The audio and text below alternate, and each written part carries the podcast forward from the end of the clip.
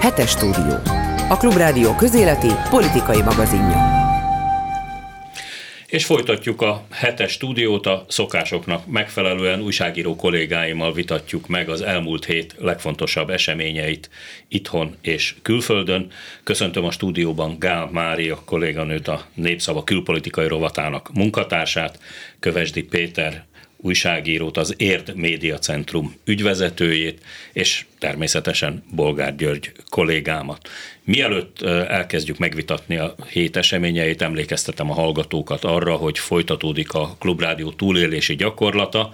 A legfrissebb adatunk a gyűjtésről az péntek esti, tehát a zárás idején 19 millió 250 ezer forintnál tartottunk, úgyhogy reméljük, hogy hétfőn, amikor újra kinyitnak a bankok, és lehet utalni, illetve lehet csekken utalni, vagy akár be is lehet jönni reggel 9 és 17 óra között ide a Bencúr utcába, a Klubrádióba, hogy csekket adjanak a befizetéshez a kollégáim, akkor ne késlekedjenek, mert hogy ha a következő fél évben is szeretnének klubrádiót hallgatni, akkor ehhez egy sikeres gyűjtésre is szükség van. És van egy másik nagyon fontos információ, egy évforduló van ma József napon, hiszen március 19-én 1944-ben a németek bevonultak Magyarországra, és rá alig néhány héttel Magyarország történetének egyik legszégyen teljesebb epizódja indult el, a magyar zsidók deportálása Auschwitzban, 430 ezer ember halt meg ennek következtében, és hát ez a közös emlékezet, a közös, ha lehet ilyet mondani, nemzeti szégyen, és hát nemzeti szégyenből nincs hiány Oroszországban sem, bár Vladimir Putyin tegnap megpróbált egyfajta média hacket bedobni, és egy tömeggyűlésen, egy hatalmas tömeggyűlésen reklámozni azt a háborút, ami vélhetően egyre népszerűbb Oroszországban. Nem tudom, hogy, hogy láttátok-e, megnéztétek. Népszerűtlenebb, nem? nem? Egyre népszerűtlenebb. Ez egy elszólás volt, bár vannak olyan emberek, akik, akik ezt továbbra is támogatják. Nem csak, nem csak ott borzasztó erős. Én ugye nézem az orosz hírportálokat, és nézem az orosz televíziókat, és az a benyomásom, hogy nem ugyanazt a nyelvet beszélik ezekben a tévéműsorokban, mint amit mi itt Európában beszélünk. Tehát tényleg megvalósult az, amit Orwell idején új beszédnek vagy Newspeaknek neveztek az 1984-ben, nem ugyanúgy gondolkodnak, tényleg agymosodtak az emberek milliói. És ennek a része volt szerintem Vladimir Putyin tegnapi stadionbeli fellépése. A múlt heti HVG-ben jelent meg egy kiváló interjú Ulickajával, aki az egyik kedves íróm. És végigolvastam az interjút, én magam is beszéltem Ulickajával öt évvel ezelőtt, akkor csináltam vele egy interjút, egy halatlan okos asszony, és nagyon, nagyon önkritikus. Saját magával is az orosz néppel szemben is egyébként. És azt mondta, hogy az oroszok nem túl erősek a gondolkodásban, sokkal jobban szeretik, ha alárendelhetik magukat a vezetőiknek, és teljesíthetik a felülről érkező utasításokat. Igazuk van azoknak, akik úgy látják, hogy Putyin nosztalgiát érez a sztálini évtizedek iránt, nem tudom, az oroszok valójában mit gondoltak, Kazaksztániról attól tartok, hogy nem, gondol, nem gondolkoznak sem a múltról, sem a jövőről. Szerintem ebben a mondatban simán bele lehet helyettesíteni más főnevet is. Hát, a párhuzamok azok adják magukat, elég erősek. Nem tudom, hogy ki mennyire követte azt, ami egyébként Oroszországban zajlik, mert ez nem most kezdődött ez a történet, ez egy szisztematikus, nagyon szándékosan és gondosan felépített kampánynak, ideológiai kampánynak a része. Hát ugye ennek egyik állomása volt például, amikor tavaly azt hiszem júliusban egy hosszú, az Izvesztia című labban közzétett tanulmányában Vladimir Putyin arról értekezett, hogy olyanok, hogy ukránok olyanok nincsenek is, nem is volt soha a történelemben ukrán állam, tehát megalapozta mindezt a, a, az orosz közvélemény számára, de én amikor utoljára Moszkvában jártam, akkor például az a Szentgyörgy szalagot, ezt a narancsárga, fekete csíkos gárda szalagot, ez a második világháború idejére nyúlik vissza, és ez egyfajta ilyen hazafias kiállás, ezt a taxiktól kezdve, a taxik antennájától kezdve nagyon sok helyen lehetett látni, ez több mint egy évtizedre nyúlik már vissza, tehát ugye, és megint van egy nagyon erős magas labda, egy párhuzam, az erő, a mi vagyunk a legjobbak, mi vagyunk a legkülönbek, és az a gondolkodás, hogy, hogy az egész világ ellenünk van. Szóval nem ez az egyetlen párhuzam, amit te említettél, Ulickaja gondolatai. És öt évvel ezelőtt volt ez az interjú, ha jól értettem, Péter, akkor beszélt erről Ulickájá. Ő nem, akkor... nem, bocsánat, ez a, amit most mondtam, ez a mostani interjúban, ja. az a német András interjúban van. Amikor én beszéltem mm. vele, akkor is volt szó rosszokról, nagyjából hasonló dolgokat mondott, csak akkor nem volt ilyen éles a helyzet. Mert hogy most épp az volt a, az új és a furcsa a putyini megnyilvánulásban, hogy talán először ítélte el a sztálinizmust, és egyáltalán a, a a Szovjetuniót, mint olyat, mert eddig mindig, amikor azért már hosszú évek óta mondtad, hogy nem most kezdődött, mindig a birodalmi eszmét kezdte ugyebár élezgetni, kezdte újra megjeleníteni a társadalomban, de, de most szólt először arról, hogy, hogy a Szovjetunió szerinte milyen sokat ártott ugyebár az oroszoknak, mert hogy odaadták az ukránoknak a sok-sok orosz földet, és hogy az ukránokat gyakorlatilag a kommunizmus, illetve elleni meg Stalin találták ki. Ez azért annyira, annyira furcsa és új gondolat volt, mert hát, mert hát ő építette ezt az egész diktatúráját a, az egykori nagy Szovjetunió utáni, tehát a birodalmi vágyakozása, mert a mai orosz ugyebár nem az egykori orosz birodalomra, a cári birodalomra emlékezik, hanem a, a Szovjetunióra, amikor nagy hatalom voltak. Azok, akik idősebbek 30 évesnél, na de felnőtt egy fiatal generáció. Hát ők viszont a, már másképpen Akik látják. már nem a tavasz 17 pillanat a filmsorozaton, hanem a nyugati filmeken, meg a hollywoodi filmeken nevelkedtek, és Facebookoznak, nem csak a kontaktjét használják, és így tovább, és így tovább. És ők... Az ő számukra ez, ez szerintem ez most egy óriási sok.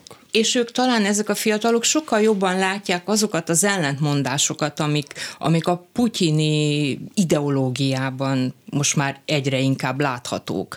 Mert talán azok az idősebb generáció, aki mindig csak ugyanazt, a, ahogy mondtad, hogy agymosó televíziót nézi, tehát ami tényleg szándékosan arról szól, hogy, hogy irányítják a közgondolkodást általa, azok talán már észre se veszik, de, de az ifjúság, aki azért lássuk be, nagyon sokan nyugaton tanulnak, az internet által tényleg nyitottá váltak, ők azért talán már észreveszik, és, és sokkal jobban gondolkodnak, hogy oké, okay, eddig, eddig a Szovjetunió volt a modellt, ugyebár a sztálini vörös hadsereg győzelme, amire büszkék voltunk, erre fel a tavaly meg felszámolják a memóriát, ami, ami ennek a korszaknak a, a bűneit hozza elő. Akkor, hogyha föl, ha akkor felszámolták, akkor most miért mondja azt, hogy, hogy a sztálinizmus meg a kommunizmus ártotta a legtöbbet a, az oroszoknak? Olyan ellentmondások kezdtek kijönni a, a putyini ideológiába és,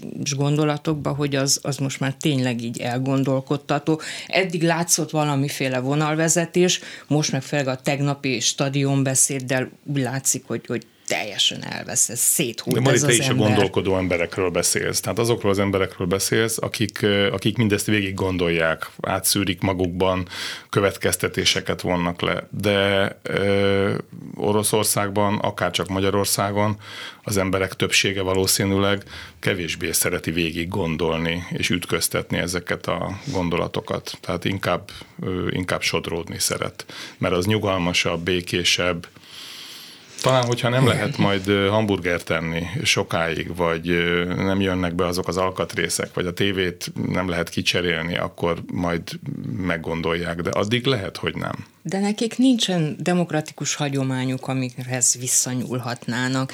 Mert azért nyugaton minden valószínűség szerint azért is robban könnyebben bármi, tehát a társadalmi elégedetlenség azért robban olyan könnyen, mert, mert azért van valamiféle közösségi szinten ilyen demokratikus hagyomány, van mihez hozzányúlni. A, gondolj bele, az orosz ember a cári birodalom elnyomásából esett át a Szovjetunió és a kommunista elnyomásba, onnan úgy elkezdett épp föléledni, és kezdte megszagolni a szabadságot a jelcin időszakban, csak az egy nagyon csúnya káosz volt, és akkor utána megint újra fokozatosan bekerült ebbe a, amit nem tudom minek nevezni, diktatúra, vagy, mert hát diktatúra, igen, annak.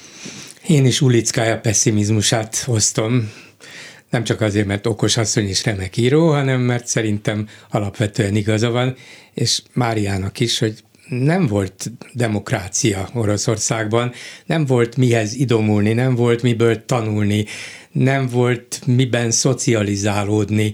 Honnan tudnák, még akár a fiatalabbak is, bár ők azért többet tudnak, mert jobban tájékozódhatnak, meg, meg jártak sokkal gyakrabban külföldre, mint ahogy a szüleik, de, de mégsem adatott meg nekik az, hogy alulról szervezzenek egy társadalmat.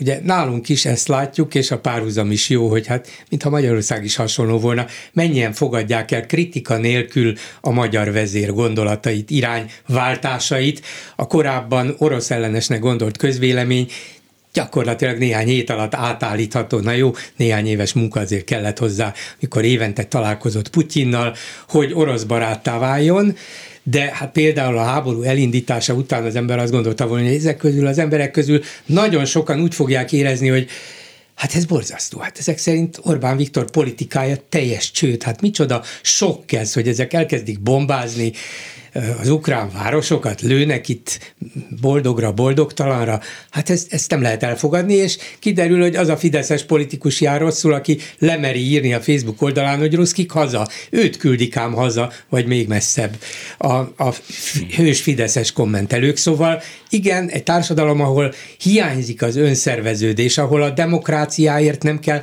nap mint nap a saját részvételünkkel, a saját kudarcainkkal, a saját vitáinkkal, konfliktusainkkal megküzdeni, az elfogadja azt, amit mondanak neki felülről, és megtalálja benne a jót, és azt mondja, hogy hát ha irányt váltunk, akkor biztos ennek is megvan az oka.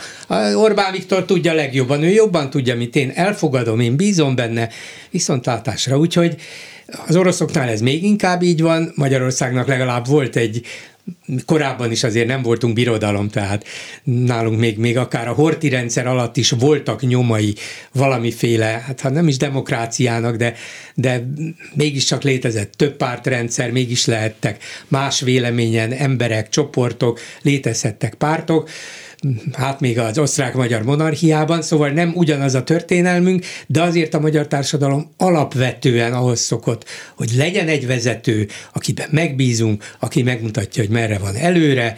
És 40, aki tudja mindig, ne, hogy mikor kell gumicsizmát rántani, hogyha jön az árvíz. Így van, és amikor 44. március 19-én még Hitler is megmutatta Hortinak is, hogy merre van előre, uh-huh. hát akkor lelkesen követték őt is jó néhány hónapig sajnos a magyar társadalom jelentős többségében, úgyhogy... És tegyük igen. akkor itt helyre, amit Gyuri felhozott, ha már ugye a történelmet, mert maguk a németek is, és ha jól emlékszem, Eichmann volt itt Budapesten, aki azt mondta, hogy hát a magyar közigazgatás nélkül ezt ilyen folyékonyan, ilyen olajozottan a, a magyarországi zsidók deportálását nem lehetett volna megoldani, mert addigra már összeírták őket, már tudták, hogy kit kell elvinni, már mindenki szerintem különösen vidéken már kinézte magának azt a sublótot, amit majd ha Klein bácsit és a családját elviszik, akkor azt majd én el tudom venni, meg beülhetek a lakásukba. Szóval ennek voltak azért haszonélvező is, erről a, nem nagyon szoktunk a magyar közvélemény előtt beszélni.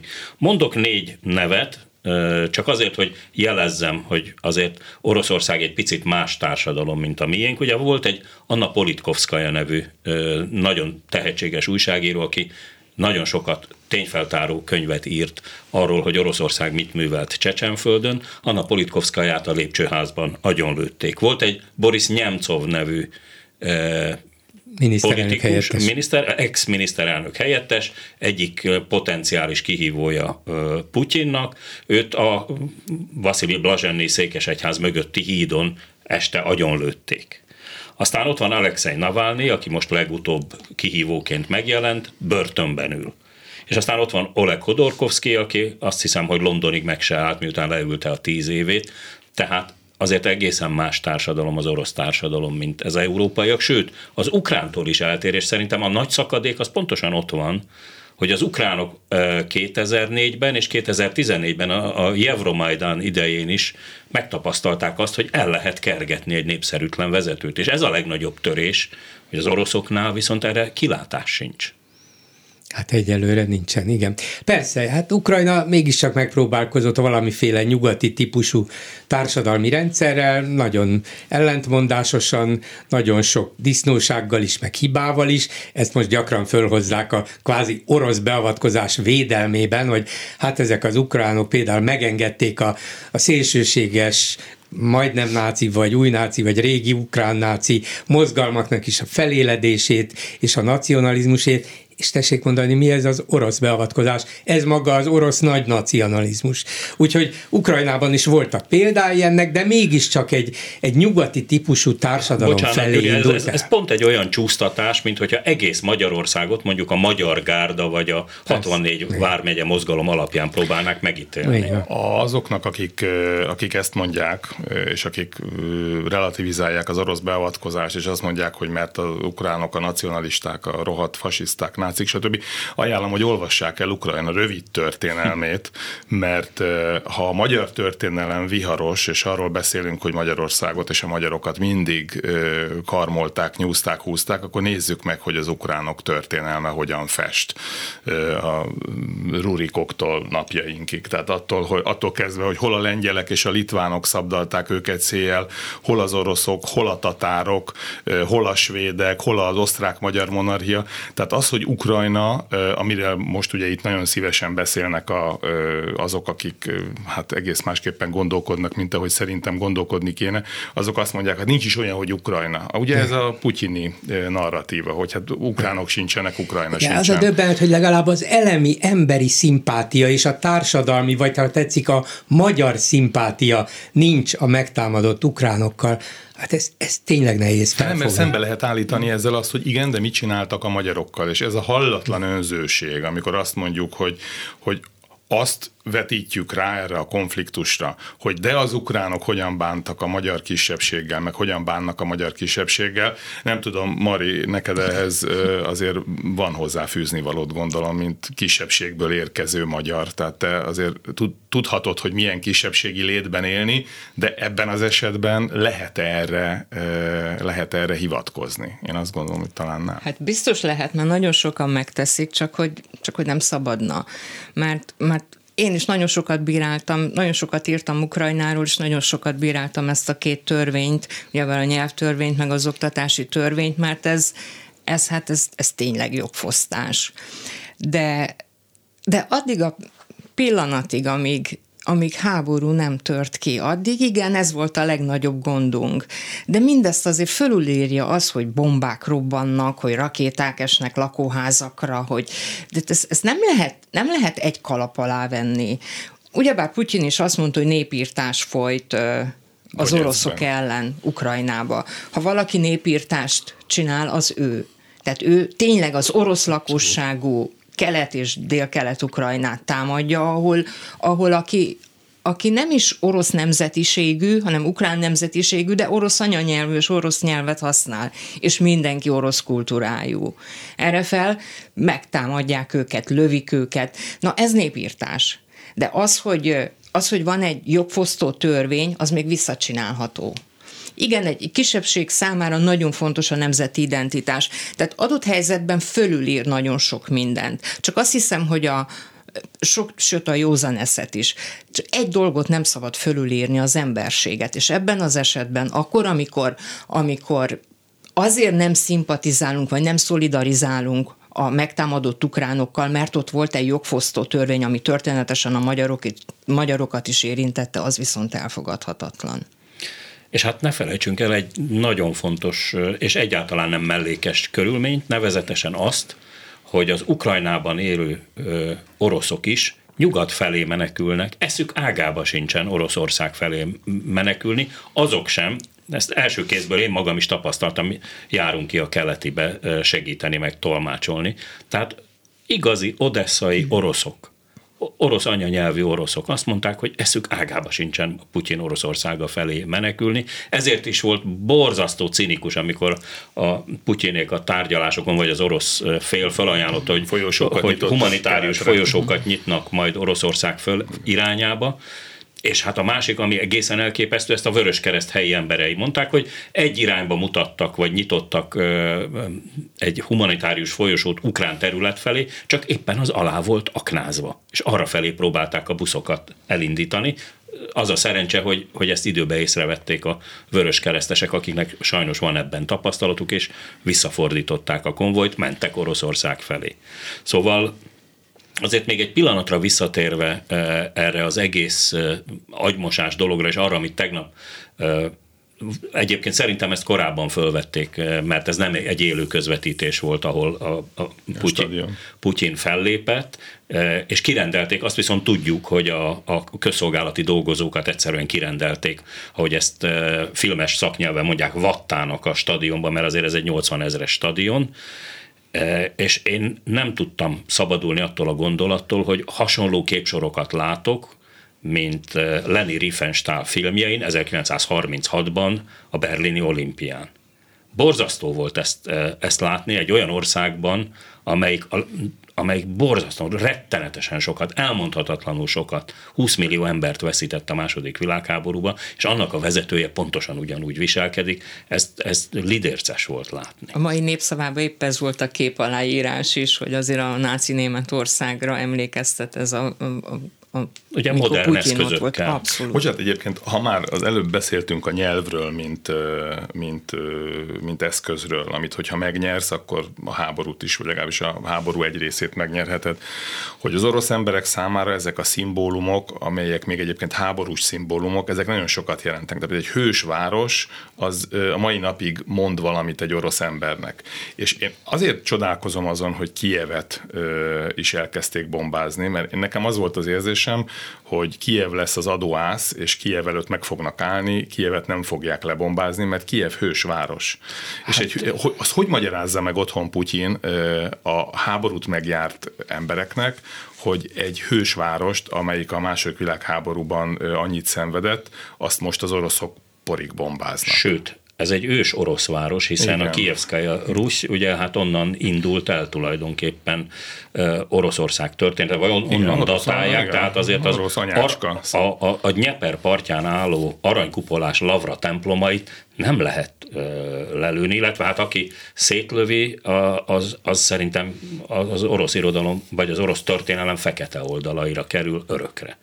Ez egy el, elképesztő dolog, és ugye van még valami, hát az orosz katonák, én most naponta tucat nézem azokat a videókat, amik mind a két oldal készít, és hát kiderül, hogy a szerencsétlen 18-19 éves orosz kölykök, akiket beültetnek ezekbe az ébetűvel mázolt tankokba, azt se tudják, hol vannak, a harckocsiból ellopták a benzint a tisztek még a hadgyakorlat előtt, nem érkezik oda az élelmiszer, a hátuk mögött záróosztagok hajtják őket a frontra, a legegyszerűbb számukra, ha megadják magukat az ukránoknak, és, és ott legalább az édesanyjukat fel tudják hívni telefonon, hogy ők még élnek. Ezzel együtt azért valószínűleg tartom, hogy ez a bizonyos mértékig demoralizált, egészen biztosan sokkal rosszabbul teljesítő, a vártnál sokkal rosszabbul teljesítő orosz hadsereg azért le tudja győzni az ukránokat.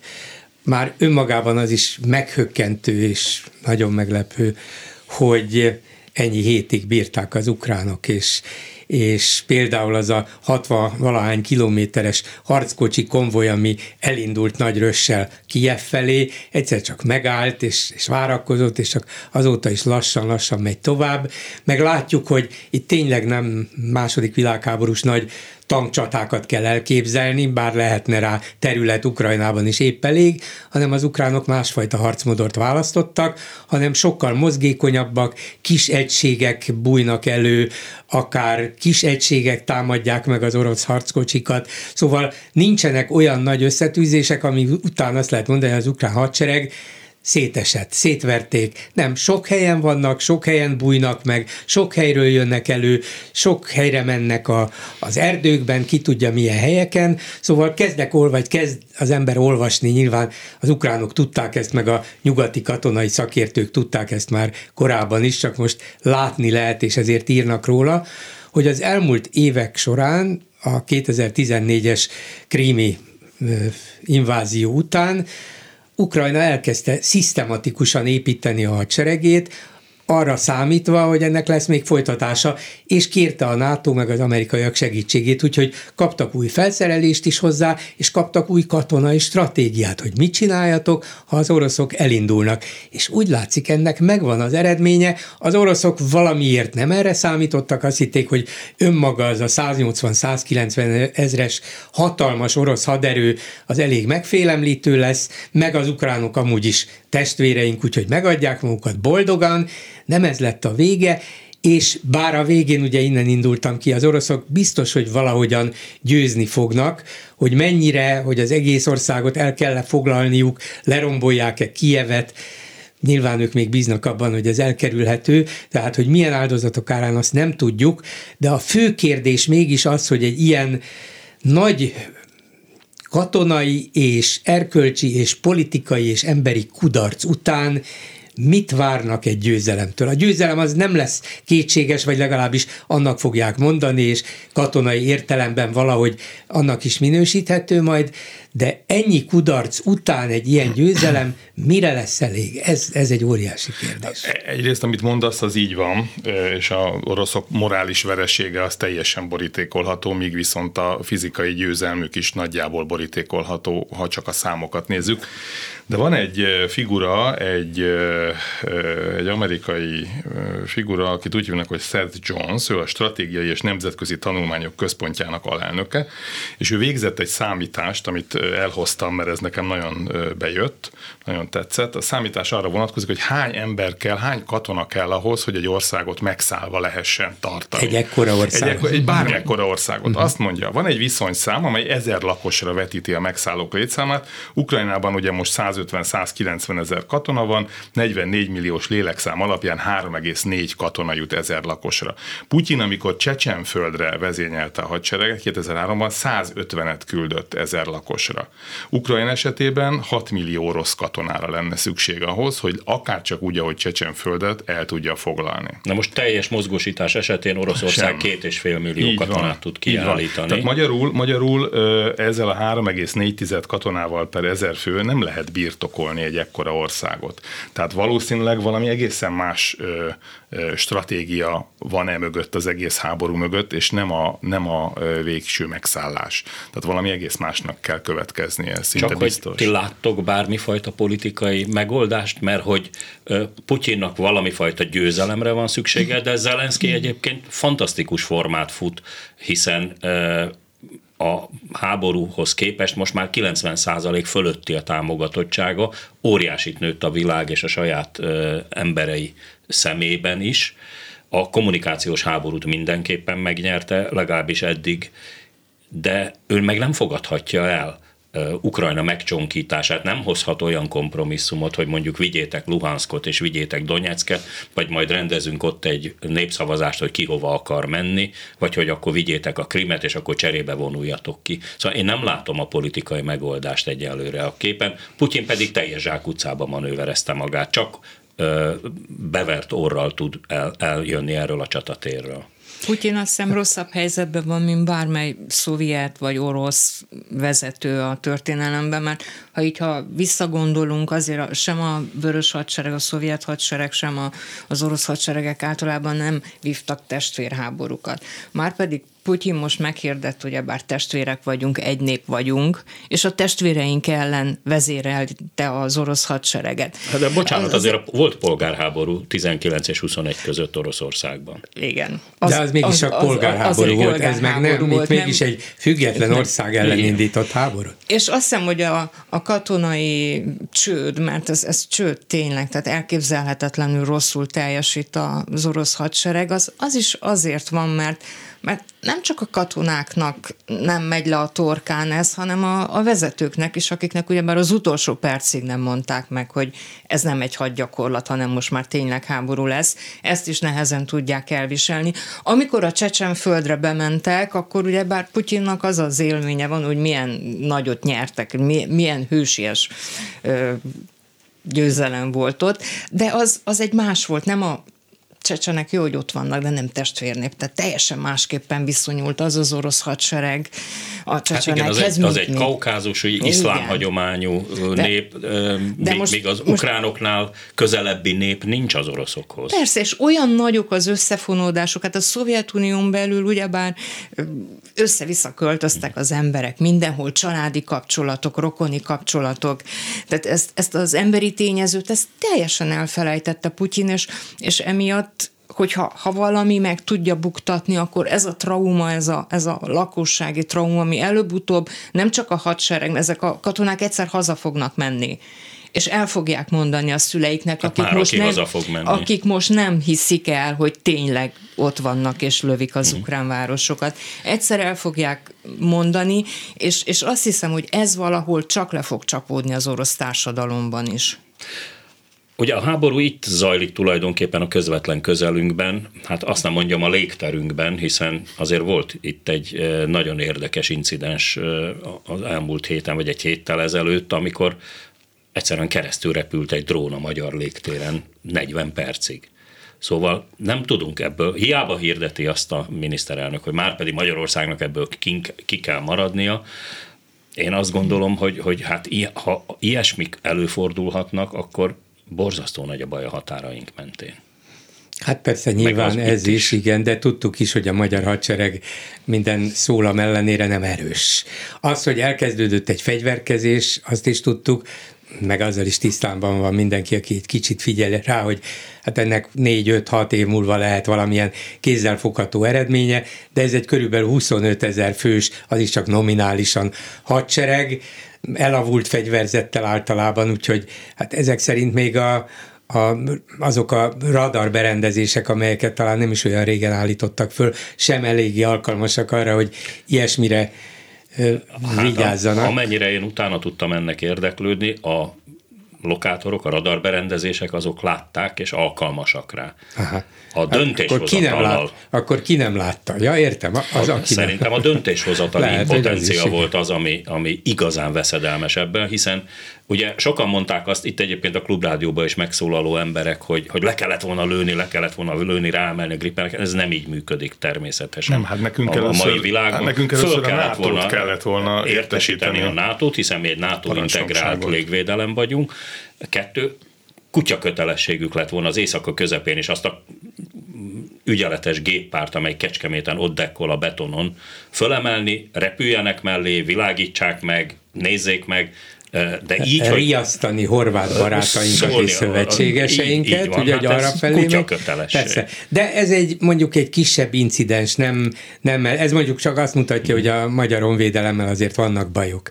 De itt a, a komolyabb kérdés az, hogy hogy, és hát ebből, és akkor át is mehetünk bizonyos értelemben a magyar választási kampányra, mert szinte a fő témájává vált a kampánynak ez a háború, vagy háború és béke kérdése, hogy Orbán egy pillanat alatt át tudott váltani a béke embere szerepére, és nem is sikertelenül úgy látszik, miközben az ellenzék, meg Márkizaj Péter, amelyik és aki váltig azt mondta, ami a legjózanabb, ami a legészszerűbb, ami a legnormálisabb, ami Magyarország elsőrendű érdeke, hogy mi a NATO tagjai vagyunk, az Európai Szövetség tagja vagyunk, minket a NATO véd meg, az Európai Unió véd meg, tehát velük együtt kell működnünk, minden értelemben.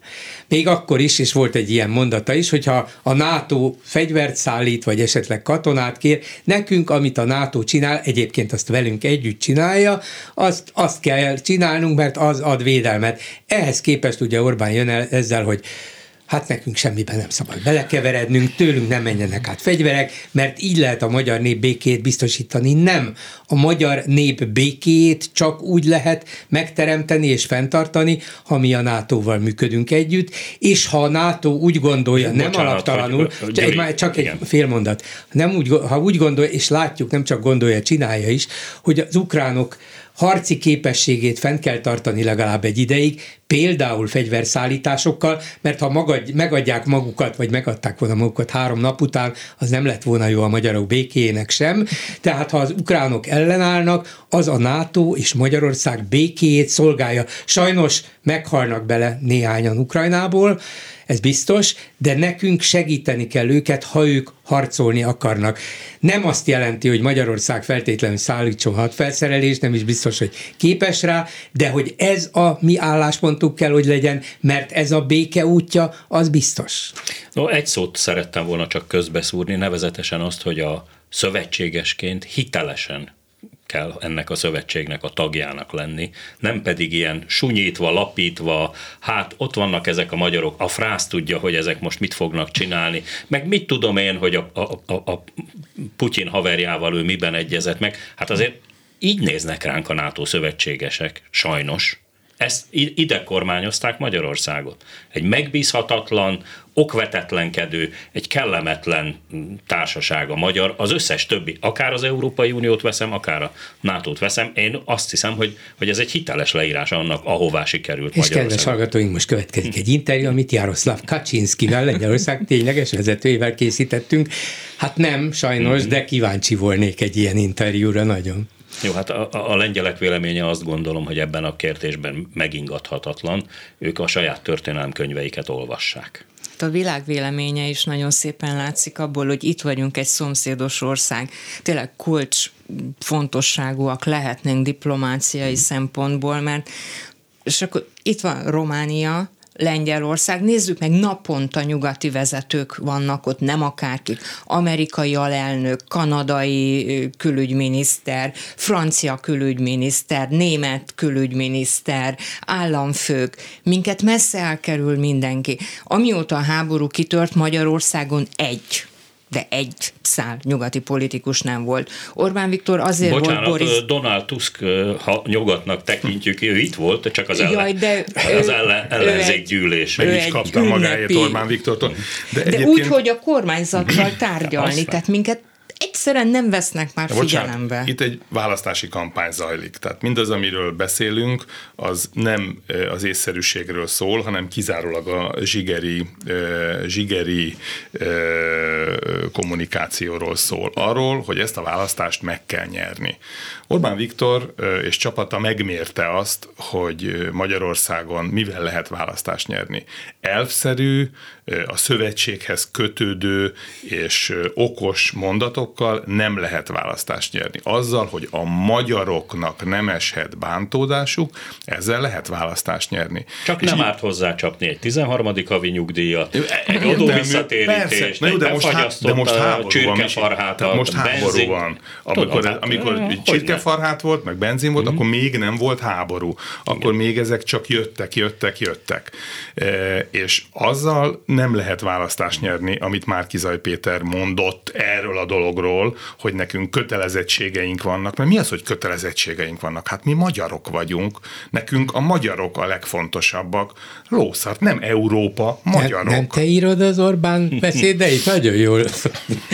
Ugyanaz, azt hiszem, hogy a hallgatók is kihallották azt a finom iróniát, amivel te ezt itt most előadtad, Péter, de mi láttuk is a sátáni mosolyt az arcodon.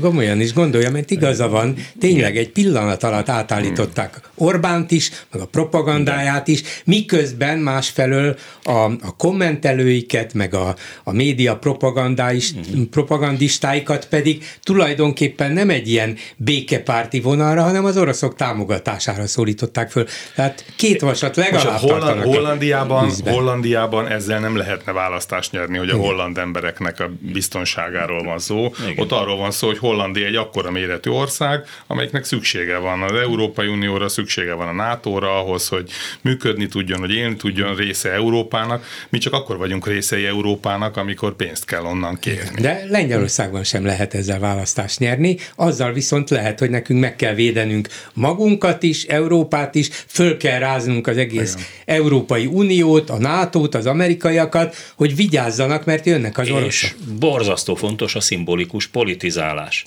És az, hogy a lengyel vezetők, a cseh miniszterelnök, a szlovén államfő, a személyes jelenlétével támogatta meg Zelenszkit és az ukrán népet, azért az egy kiállás, annak, annak van üzenete, és hát persze ugye lehet arra hivatkozni, de hogy március 15-én nagygyűlésen kellett választási beszédet mondani a Orbán Viktornak, de senki nem hívta Orbán Viktort Kievbe, sőt, egy nem kívánatos személyiség, mert mondjuk elküldhette volna maga helyett például semmilyen Zsoltot, vagy Szijjártó Pétert, hiszen aznak is lett volna egy szimbolikus értéke, csak hát eszük ágába sincs, hiszen azért az ukránok sem felejtették el, amit a magyar diplomácia ellenük elkövetett az elmúlt tíz évben. Szijjártó az orosz barátság érdemrende. és hova megy, hova megy Orbán Viktor? Az egyetlen olyan országban, ahol, uh, ahol néven nevezhető orosz barát tüntetés van, Belgrádba megy Orbán Viktor, azért megy Belgrádba, hogy ezt a mondatot az MTI leírhassa, hogy az ukrajnai háború rámutatott a békés egymás mellett élés fontosságára Közép-Európában, ezért is lényeges, hogy Magyarország és Szerbia az ellenséges viszonyát stratégiai partner partnerségé, sőt barátságát tudta alakítani, mondta Szijjártó Péter Belgrádban. Ha már kampány és magyar mhm. ellenzék, akkor én, én azt ajánlanám a magyar ellenzéknek, hogy használja ki ezt az a lehetőséget most Orbán Viktor ellen, amikor azt mondja, hogy a magyarokat védjük meg, ugyebár bárhol a világon, és, és ezt az egész cirkuszt, amit folyt évek hosszú során át Ukrajnával, ezt mindig a magyar kisebbségre hivatkozva csinálta.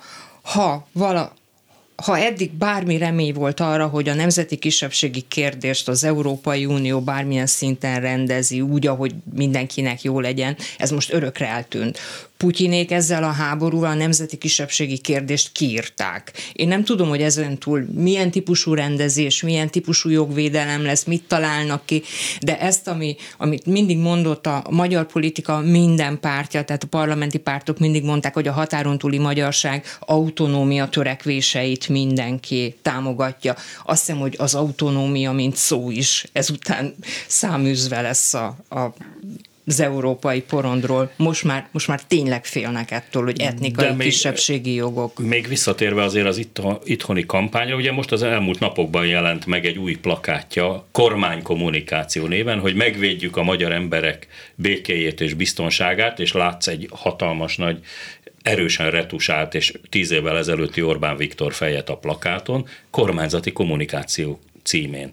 Hát ha valami, akkor ez aztán egy igazi, veretes választási csalás. Szerencsé, hogy itt van egy csomó külföldi megfigyelő. Nem tudom, láttátok-e a plakátot? Ez a magyar az nem kormány... választási csalás, hogy a CÖF nevű álcivil szervezet teleszúrja óriás plakátokkal az országot, természetesen úgy, hogy állami pénzből finanszírozzák őket. Hát mindenféle módon kiszervezik a csalásaikat, van, amikor még csak ki szervezik és úgy csalnak, teljesen mindegy. És ráadásul az összes üzenetük nyílt hazugság.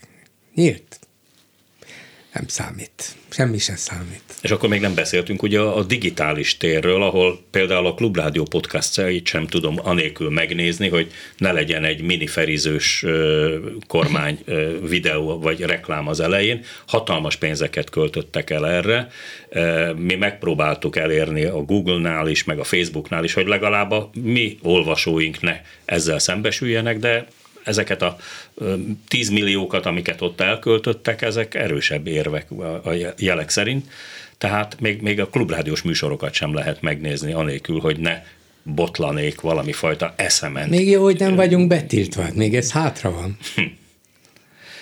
Igen, hát hogyha tovább megyünk a putyini úton, akkor ez, ez még Igen. Magyarországon is Nem viccnek szántam, úgy gondolom, hogy van még elő, nem előre, hátra. Moszkvában be is tiltották ugye az Echo Moszkvi rádióállomást is, meg az összes többit, a még független médiát. Dostjat, igen. A Dost YouTube-os televíziót is betiltották. Egyes munkatársaival a múlt héten találkoztam itt Budapesten, akik itt kerestek menedéket.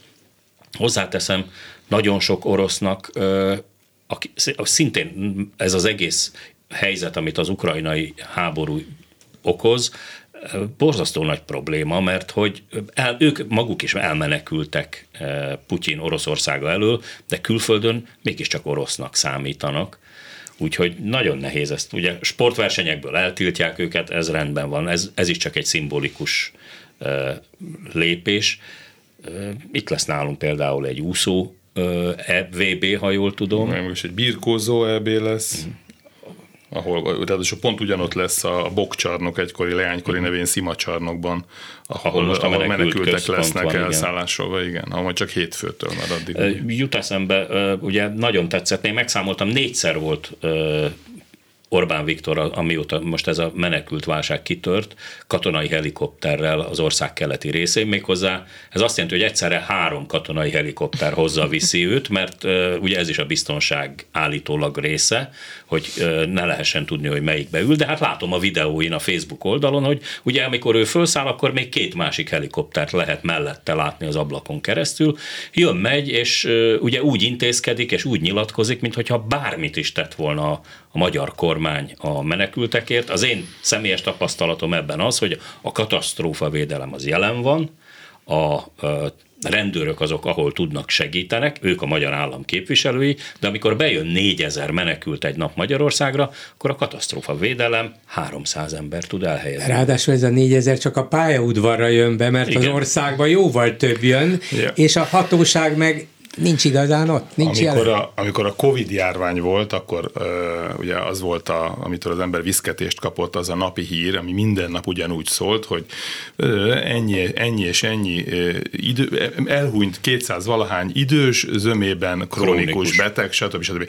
Úgy, ez a mondat elhangzott minden nap. Amióta menekült válság van, a harmadik naptól kezdve, vagy a negyedik naptól kezdve, a kormányzati kommunikáció kimerült abban, hogy Magyarországra beérkezett, mert tudom, 5000 5433 embert regisztráltak, zömük továbbment, a magyar állam gondoskodott 18 ember elhelyez, vagy 51 ember elhelyezéséről. És én véletlenül tudom, mert a feleségem a hatodik kerületben működtet egy menekült szállót, ugye ő a hatodik kerületben dolgozik, és ott napi 40 ember van, már a, már a menekült hullám második napjától kezdve minden nap teltházban. Tehát amikor azt mondjuk, hogy a magyar kormány ellátott 51 embert, és a többiek meg mind tovább mentek, akkor pontosan tudjuk, hogy ilyenből, mint ami a hatodik kerületben van, van még az országban 3000 darab, és mindenhol Csak a ezek civilek, nem államiak. Nem, ezek civilek. Ezek, ezek civilek, civilek, egyházi segélyszervezetek, önkéntesek. Igen. Az nagyszerűen működik a keleti pályaudvaron is, és a nyugatiban is, nagyon jól meg van szervezve. Én tulajdonképpen csodálkozom is azon, hogy az elmúlt hét év menekült ellenes és idegen és ellenes, civil ellenes. civil ellenes politikája ellenére a magyarokból nem sikerült ki írtani a segítő készséget és a segítési vágyat, úgyhogy mégiscsak azt mondom, hogy van remény. Van, az mindig van, úgyhogy ne, ne csüggedjenek, még az oroszokat is le lehet valahogy győzni. Hát szegény oroszoknak majd saját magukat kell legyőzniük, és évtizedekre lesz munkája mind az ukrán, mind az orosz népnek, hogy ezeket a sebeket, amiket most ejtettek rajtuk, ezt valahogy kiheverjék. Reméljük, hogy sikerülni fog. Én nagyon szépen köszönöm, hogy itt voltatok a Klubrádióban. Gál Máriának, a Népszava külpolitikai rovat munkatársának, Kövesdi Péter újságíró kollégának, az Érd Média Centrum vezetőjének és Bolgár Györgynek. A hallgatóknak pedig nagyon szépen köszönöm a figyelmet. A műsor összeállításában segített Priatel Bence technikus, Lantos Dániel videószerkesztő és operatőr, az interjúkat Józsa Márta és Csernyánszki Judit az adás szerkesztője készítette. Elköszön a műsorvezető önök, Hardi Mihályt hallották. Legyen szép napjuk! A hetes stúdiót a Klubrádió közéleti politikai magazinját hallották.